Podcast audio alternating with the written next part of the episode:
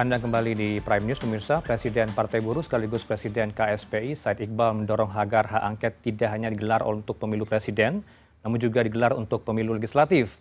Said Iqbal mengklaim suara milik Partai Buruh hilang di sejumlah tempat pemungutan suara di daerah pemilihan seperti Kalimantan Barat, Jawa Barat, hingga Deli Serdang. Hal itu disampaikan Said Iqbal saat para buruh menggelar aksi unjuk rasa di kawasan Patung Kuda, depan Istana Negara Jakarta kami siang. Salah satu tuntutan para buruh yakni ditegakkannya pemilu bersih, menyoroti terjadinya kecurangan pemilu legislatif di sejumlah daerah yang merugikan partai buruh. Said Iqbal juga mempertanyakan keabsahan formulir C1 yang tidak berhologram sehingga dicurigai dapat diduplikasi oleh pihak tak bertanggung jawab. Hal ini mengakibatkan suara partai buruh di sejumlah TPS berkurang seperti yang terjadi di Kalimantan Barat, Jawa Barat, hingga Deli Serdang ribu. Tritura, tiga tuntutan rakyat. Satu, turunkan harga. Dua, cabut Omnibus Law Undang-Undang Cipta Kerja. Tiga adalah tegakkan pemilu bersih. Teroti Partai Buruh yaitu pemilihan legislatif. Curang dan kotor pemilihan legislatif. Untuk pemilihan presiden kami menyerahkan pada mekanisme yang ada. Kenapa? Yang pertama, pertanyaannya, C hasil atau C1 yang benar itu yang mana? Nggak ada hologramnya. Semua orang bisa menduplikasi. Maka terjadilah antara si rekap, real count, dan kawal pemilu maupun data-data lainnya ada kesimpang siuran. Di Kalimantan Barat, suara DPR RI Partai Buruh turun 4.000 orang, 4.000 suara. DPRD Provinsi Jabar 13, Dapil Jabar 13 turun ratusan dan kami jumpa ini di ribuan TPS Sementara dikutip dari laman detik.com, Wakil Ketua Umum PAN Yandri Susanto mengkritisi usulan Capres 03 Ganjar Pranowo terkait penguliran hak angket oleh DPR untuk mengusut dugaan kecurangan pemilu 2024. Yandri mengatakan aneh bila hanya Pilpres saja yang dipermasalahkan terkait usulan hak angket Pilpres ini. Dia juga menegaskan PAN pasti akan menolak usulan tersebut. Pemirsa ramai capres nomor urut 3 Ganjar Pranowo mengusulkan kepada partai pengusungnya dan partai pendukung Anies Caimin untuk mendorong DPR menggunakan hak angket untuk menelusuri dugaan kecurangan dalam Pilpres 2024. Selain itu ada juga dorongan hak angket dibelirkan bukan saja terkait Pilpres namun juga Pileg. Untuk membahasnya sudah bergabung malam ini melalui sembungan daring ada Mas Viva Yoga Mauladi dan juga Wakil selaku Wakil Ketua Umum PAN dan juga ada Bang Ray Rangkuti, Direktur Eksekutif Lingkar Madani. Selamat malam Bapak-Bapak, Assalamualaikum, salam sehat selalu. Malam. Assalamualaikum, Mas Hiranov, Mas Ray. Ya, Waalaikumsalam, Mas Viva. Mas Viva, partai Anda eh, tidak sepakat dengan angket, tapi malah sepakat dengan angketnya Pileg. Bisa dijelaskan, Bang Mas Viva?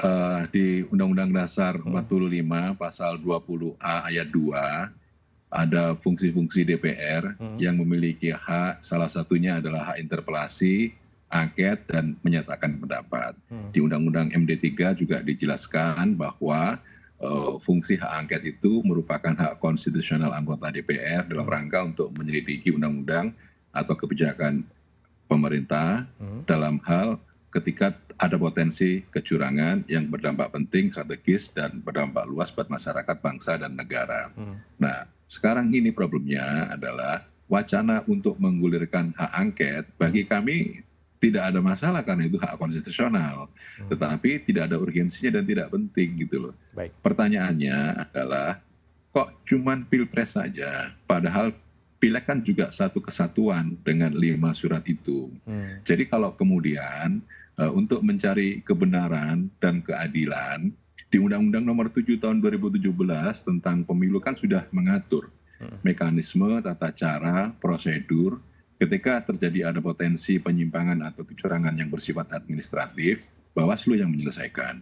Ketika ada potensi kecurangan dari etika penyelenggara, itu DKPP yang menyelesaikan. Ketika ada uh, persengketaan perselisihan hasil pemilu, itu di Mahkamah Konstitusi.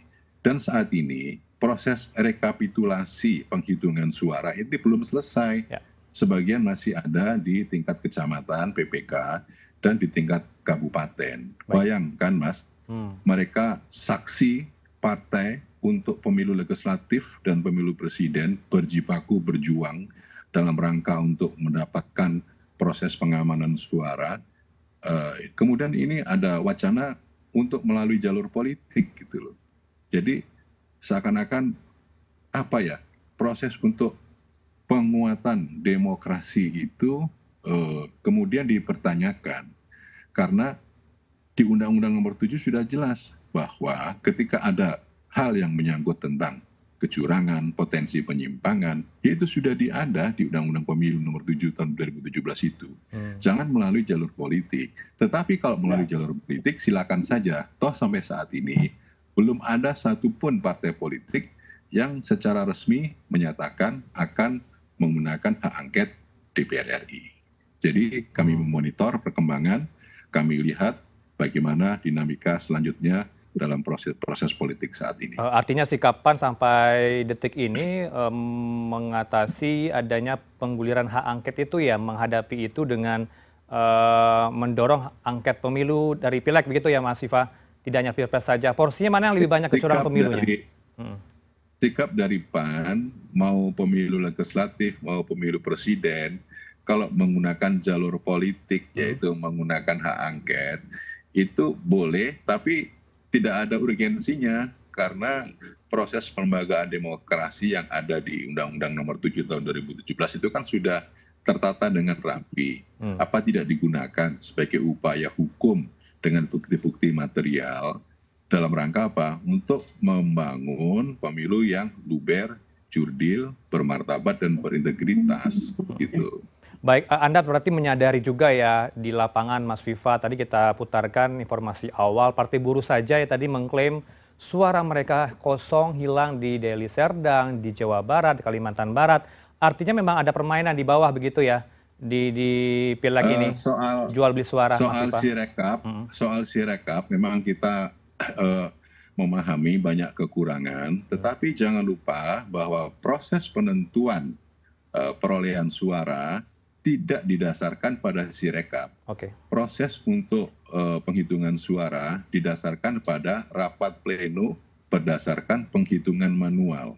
Sirekap itu adalah informasi sementara yang tidak bisa digunakan sebagai dasar hukum dalam penentuan penghitungan suara penghitungan suara itu nanti di KPU berdasarkan rapat pleno, berdasarkan penghitungan manual. Ya. Jadi ketika ada masalah dengan sirekap, saya rasa dicatat saja hmm. dan nanti akan kita adukan dari TKN, dari DPP PAN juga sama, kita mencatat beberapa hal yang berkaitan hmm. dengan hilangnya suara Baik. di beberapa dapil dan hmm. itu juga kita juga kita juga kena dampaknya gitu loh. Hmm. Bukan hanya partai yang lain, kita juga kena dampaknya dan kita catat seluruhnya hasil sirekap ini yang tidak sesuai dengan uh, proses penghitungan untuk sementara ini, tapi kita juga menyediakan formulir C1 sebagai hmm. dasar hukum ketika nanti terjadi perselisihan dalam penghitungan suara di rapat pleno KB.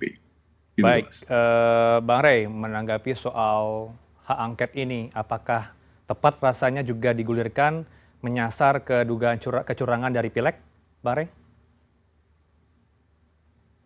Iya cocok aja. Hmm. Uh, tinggal sekarang Bung Pipa kita dorong untuk menandatangani usulan hak angket ya. Segera aja gitu. Tapi masalahnya mau PAN belum belum menggulirkan angket di DPR? Bang Rey. Ya masalahnya koalisi Kenapa? dari Prabowo masih belum mau angket di, di DPR. Ya ini kan usulannya PAN. Gimana hmm. sih? pan mengusulkan jangan hanya angket pilpres tapi juga angket legislatif cocok kalau hmm. begitu kan tinggal kita dorong bung pipa untuk segera tanda tangan hak angket legislatif gitu loh Bukan setuju, mempertanyakan hmm. kenapa hanya pilpres saja yang diper, yang dipersoalkan, okay. kenapa tidak pileg juga, gitu hmm. loh. Jadi kan ini kesannya kan main-main jadinya gitu. Hmm. Padahal kan antara pileg dan pilpres kan satu kesatuan. Hmm. Tapi yang diributkan itu hanya pilpres.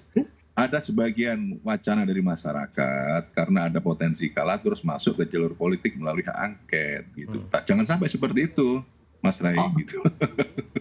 kalau begitu, nah iya. kalau begitu kan soal orang melihatnya kan, nah. orang melihatnya pilpres itu penting, legislatif belum. Ya sudah kita dorong sama-sama itu Oke. Okay. Gitu. Tapi ini kan masih wait and see, nah, kalau Bang Ray. Pan merasa hmm. legislatif itu harus ikut, ayo dua-duanya juga kita masukkan gitu loh. Oke. Okay. Kalau dari ya Pan menolak untuk hak ah. angket, Pan menolak hak angket itu karena tidak ada urgensinya gitu. Ada lembaga-lembaga oh, iya. negara yang kebentuk undang-undang, ya. ada Bawaslu, DKPP, Mahkamah Konstitusi. Ya. Kenapa nggak pakai jalur itu? Kenapa harus melalui langkah politik gitu loh? Harus langkah-langkah hukum lah, diselesaikan secara adat dulu ya, ya kan? kan kan orang kan beda Baik. cara melihatnya Bung Pipa ya hmm. kan orang melihat kenapa angket itu karena masalahnya bukan pada angka-angka ya. masalahnya bukan pada kecurangan teknis masalahnya adalah ada dugaan keterlibatan presiden di dalam hal pemenangan paslon tertentu. Jadi kewenangan apa bagi DPR untuk bisa memanggil presiden mempertanggungjawabkan dugaan itu?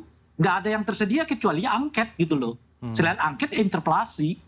Nah oleh karena itu ya silakan saja. Kalau ada partai-partai yang merasa bahwa tindakan presiden selama pilpres itu merugikan mereka dan mereka anggap sudah pada tahap abuse of power gitu itu kan soal cara baca hmm. nah tinggal nanti dibuktikan makanya menurut saya lebih baik hmm. sama-sama didorong Bung Pipa juga dorong aja hak angketnya gitu supaya nanti sama-sama dibuktikan apakah hal itu terjadi benar-benar seperti yang disangkakan atau tidak hmm. sebab kan kemudian mau uh, ikut dorong atau ikut nggak ikut dorong kalau misalnya diputuskan di paripurna diterima toh itu mengikat semua DPR gitu loh nah ya. menurut saya hmm. ya, lebih baik syukur-syukur kalau kemudian nanti ya PAN memasukkan persoalan yang berhubungan dengan pileg gitu tambah hebat lagi gitu loh dan semua orang juga merasa memang ada masalah di pilegnya gitu nah kalau menurut saya begitu jadi baik PAN maupun mungkin partai-partai yang lain sama-sama dorong untuk melakukan angket satu angket kepada presiden,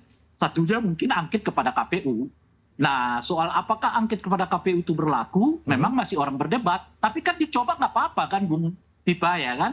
Makanya kan kita dorong Bung Pipa untuk mencoba apakah mungkin KPU itu diangket atau tidak. Ya kita tunggu saja langkah PAN untuk melakukannya gitu. Tapi angket Kalau ini kan boleh di PDIP, menolak. Bang Ray. Kita masih Kalau PAN itu juga. Ya, uh, tidak hmm. ada urgensinya Mas Rai hmm. untuk angket itu. PAN akan menempuh jalur legal formal okay. berdasarkan undang-undang pemilu, ada ya, ya. Bawaslu, ya. ada DKPP, ada ada Mahkamah Konstitusi. Itu yang akan kita gunakan. PAN tidak akan ya. menggunakan hak angket dan tidak ada urgensinya soal itu. Itu kan idenya dari PDI Perjuangan. Sampai sekarang pun ya. PDI Perjuangan juga hmm. belum mengajukan secara ya. resmi. Ya kan? Ya kalau kalau begitu kita biarkan saja PDI, Nasdem, PKS okay. sama apa namanya oh koalisi oh, PDIP. Uh, apa satu P3. lagi ini uh, hmm. P, bukan nah, P, PDI, PKS, Nasdem sama dengan PKB untuk melakukan angket. Hmm. Nah begitu di paripurna kita berharap Bung Pipa juga ikut tanda tangan setuju kan supaya jadilah ini kan angket ini kan. ya tapi saya merasa ya saya merasa okay. kayak Nasdem, hmm. P3, uh, eh, kemudian uh, eh, PKB genetikanya kan DNA-nya kan partai pemerintah hmm. gitu loh. Kalau partai pemerintah kan tetap ya. dengan pemerintahan yang sekarang. Kan, Apa iya mereka, kan mereka uh, menggunakan hak angket untuk soal itu? Ya kan? Itu kan juga satu ya. persoalan ya. juga kan buat mereka kan. Karena mereka sudah berkomitmen akan mengawal pemerintahan Pak Jokowi sampai selesai masa jabatannya Oktober 2024. Nah, persoalan penyelenggaraan pemilu ini kan itu kan tanggung jawab dari pemerintah sekarang gitu loh. Hmm. Kalau mereka berkomitmen ya gunakan saja jalur-jalur resmi sesuai dengan undang-undang pemilu, ada Bawaslu, ada DKPP, ada Mahkamah Konstitusi. Hmm. Itu juga mengungkap fakta tentang kebenaran dan keadilan karena jelas berdasarkan kepada uh, landasan hukum ada bukti-bukti material yang harus dibuktikan di situ. Jadi saya rasa tidak ada nilai politisnya, tapi itu adalah benar atau salah gitu, bukan suka atau tidak suka gitu. Ya, Pan juga tidak melihat adanya cawe-cawe Pak Jokowi ya ke, ke pil pemilu oleh... ini, Bang Mas Viva. Halo, gimana? Ya, saya mau nanya ke Mas Viva, Bang Rey soal apakah Pan sepakat dengan tadi Anda katakan, Bang Rey, ada cawe-cawe terhadap pilpres dan juga pileg mungkin? Kalau di Undang-Undang Nomor 7 Tahun 2017 tentang Pemilu, hmm? ada pasal yang menyatakan Presiden boleh ikut berkampanye, hmm. tetapi kan Pak Presiden tidak menggunakan haknya untuk berkampanye. Gitu. Kalau soal cawe-cawe, ya silakan saja dibuktikan gitu loh. kan ini kan tafsir dan narasinya macam-macam soal cawe-cawe itu. Selama ini kan banyak sekali yang uh, mendiskreditkan presiden, kemudian membuat narasi-narasi dan argumentasi hmm. seakan-akan itu adalah bagian dari abuse of power dari seorang presiden. Hmm. Buat kami, ya silakan saja menafsirkan itu, okay. tapi kami melihat bahwa proses pemilu ini sudah berjalan dengan lancar, meskipun juga ada beberapa kendala yang harus diselesaikan dan disempurnakan untuk masa depan dan kita menginginkan bahwa pemilu itu adalah bagian dari proses pendidikan politik rakyat Baik. dengan mengedepankan hmm. prinsip-prinsip hmm. hukum yang tertuang di undang-undang pemilu itu yang harus kemudian kita terapkan okay. pelaksanaannya. Pak Rey, uh, Anda melihat seberapa besar peluang koalisi Anies, koalisi Ganjar untuk menggulirkan hak angket di parlemen nanti? Kan setidaknya kan sudah ada empat partai. Kalau hmm. empat partai itu dihitung kan 295 lebih besar dari koalisi pemerintah yang sekarang, cuma 261 kursi. Ya kan? Hmm. Kalau ditambah oleh Bung Pipa 296. Kalau Bung Yandri masuk 297. Ya, malah tahu waktu di waktu bertambah karena kan dulu juga pernah angket kan. Angket hmm. Bang Senturi kan juga salah satunya diinisiasi oleh PAN seingat saya kan. Padahal PAN juga bagian dari koalisi pemerintah saat itu. Dan angket DPT juga begitu kan dulu banyak partai-partai yang bergabung dengan pemerintah juga hmm. enggak strike dengan uh, DPT yang ditetapkan oleh KPU, lalu minta lalu diangket. Yang diangket kan bukan KPU tapi pemerintah. Hmm. Nah sekarang juga begitu. Yang disebut oleh Bung Pipa tadi semuanya benar, nggak ada yang nggak benar. Nah cuman ada pertanyaan persoalan, bagaimana kalau presiden yang dianggap melakukan pelanggaran, ah. gitu. Okay. Gimana memanggilnya? Ya nggak ada. Cara memanggil dia itu ya pakai keangket. Sebab kalau pakai komisi dua, ya nggak mungkin komisi dua memanggil presiden kan. Hmm. Nah hak angket itu nanti akan dilihat gitu. Apakah terbukti atau tidak? Itulah makanya dibuat dulu hak angketnya. Ya semua sekarang masih ya omon-omon, ya di, nanti diangket itu baru diperiksa dugaan-dugaan itu dengan data-data macam-macam dan sebagainya. Uh. Tentu dengan memanggil semua pihak yang dianggap relevan dengan persoalan ini gitu loh. Nah kalau sekarang sih PAN bisa mengatakan okay. ya nggak ada urgensinya. Iya hmm. tentu bagi PAN nggak ada urgensinya. Tapi kan bagi yang lain mau ada urgensinya. Hmm. Nah oleh karena itulah menurut saya ya dorong yeah. aja dulu ya kan? Mana tahu betul-betul ada sesuatu yang diharapkan seperti di dalam angket itu ya dapat ditemukan gitu. Yaitu soal tata cara bagaimana presiden menggunakan kekuasaannya hmm. secara tidak sah untuk kepentingan elektoral. Mana tahu. Dan ini kan penting bagi kita untuk di masa mendatang. Sehingga dengan begitu kita bisa mencermati ya kan pola yang sebaiknya keterlibatan presiden aktif ya kan di dalam pelaksanaan pilpres gitu. Hal yang sama nanti kita bisa terapkan di pilkada-pilkada. November ya. 2024 kita udah pilkada. Hmm. Kalau kita tidak betul-betul mengawasi yang seperti ini, saya sih melihatnya potensial model ini akan di copy paste di pilkada-pilkada sehingga mungkin akan marah pembagian bansos ya begini begini begini gitu. Yang ya dicari celah-celahnya lah di aturan itu gitu. Nah, ada makanya ya. menurut saya ini penting dalam hmm. perang. Hmm, ada alat tawar politik tidak yang membuat ini maju mundur, uh, Bang Rey? Kalau kita nantikan uh, pertemuan antara JK dengan Megawati yang belum terwujud, ya. itu bagaimana? Hmm. Ya mungkin tentu ada ya.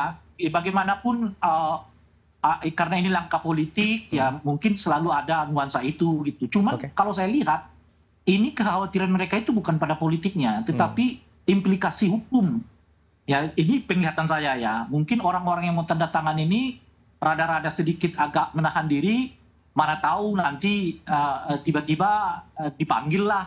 Inilah itulah kan Baik. modelnya udah begitu sekarang kan? Mm -hmm. yang enak itu cuma Bung Pipa kan? Karena apa pun omongannya mungkin nggak akan dipanggil ya kan?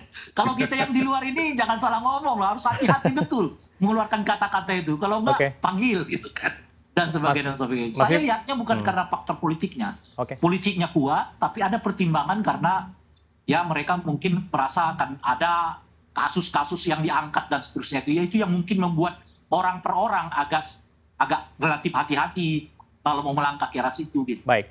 Jadi Mas Viva Makanya yang... kalau menurut hmm. saya, okay. kalau menurut saya ya, lebih kontekstual, lebih hmm. konstitusional kalau yeah. melalui jalur hukum hmm. dalam rangka untuk pengembangan politik hukum di Indonesia. Ini proses penghitungan suara belum selesai, hmm. kemudian ada dugaan potensi kecurangan, penyimpangan, ya silakan saja dikumpulin. Nanti akan diproses di Bawaslu kalau menyangkut soal etika di okay. DKPP. Hmm. Nanti kalau soal perselisihan hasil pemilu ada Mahkamah Konstitusi.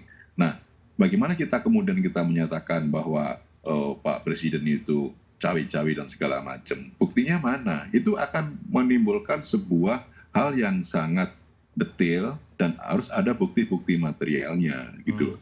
Jadi kalau kemudian berdasarkan kepada narasi, tafsir, itu saya rasa nanti akan bersifat multi interpretatif. Baik. Kalau menurut Partai Amanat Nasional ya, hmm. ya tidak ada urgensinya untuk melakukan hak angket meskipun hak angket itu adalah hak konstitusional anggota DPR. Berarti, Makanya hmm, eh, okay. kami kami akan memonitor dan melihat perkembangan karena sampai saat ini belum ada satupun partai politik yang secara resmi mengajukan hak angket. Dari tim Amin, PKB, Nasdem, hmm. PKS setuju hak angket, tapi menunggu sikap PDI Perjuangan, gitu. tapi PAN bakal tanda tangan tidak Jadi di, di DPR? ya. Uh.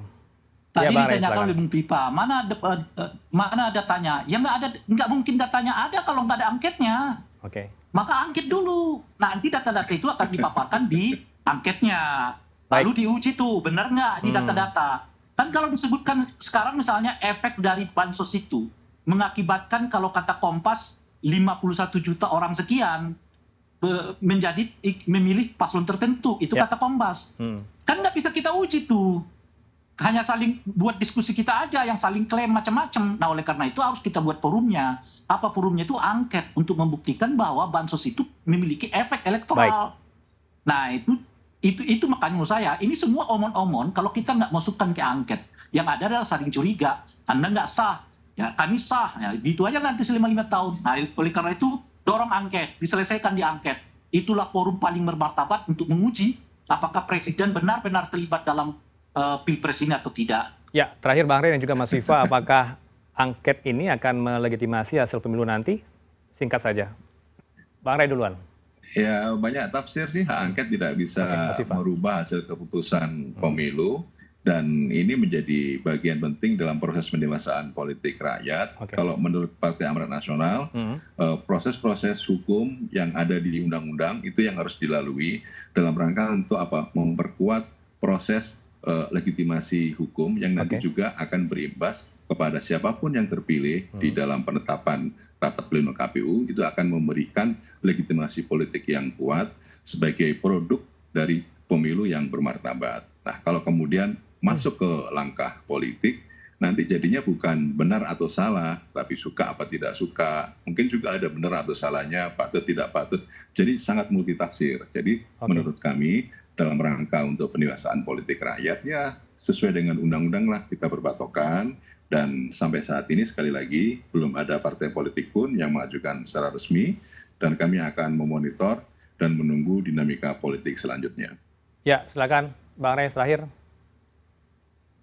Iya, saya setuju dengan Bung Pipa. Makanya sebetulnya kalau kita setback sedikit, hmm. mestinya pernyataan Bung Pipa itu diingatkan kepada Presiden agar beliau lebih menahan diri menjadikan beliau sebagai negarawan, pengayom bagi semua kandidat, ya kan supaya pilpres kita nggak punya masalah sesudahnya gitu. Hmm. Tapi kalau presiden kelihatan punya kecenderungan pada paslon tertentu, lalu tidak cuti, tetapi ke mana warawiri dan sebagainya dan sebagainya itu makan bakso dengan calon tertentu saja dan ketua umum partai tertentu saja gitu, ya eh. tentu saja orang mempersoalkan itu sesudahnya gitu. Okay. Nah oleh karena itu ya harus kita tanggung bersama. Kenapa dari awal kita nggak cegah presiden itu supaya tidak terlalu banyak cawe-cawe dalam pilpres Baik. yang diduga menguntungkan paslon tertentu gitu. Baik, kita akan tunggu wujudnya seperti apa nanti di DPR, apakah jadi angket atau tidak. Bapak-bapak, terima kasih untuk waktunya malam ini bersama kami di Prime News. Sama-sama. Mas Viva Yoga Maulani, Wakil Ketua Umum PAN, dan juga Bang Ray Rangkuti, Direktur Eksekutif Lingkar Madani. Assalamualaikum, selamat malam. Waalaikumsalam.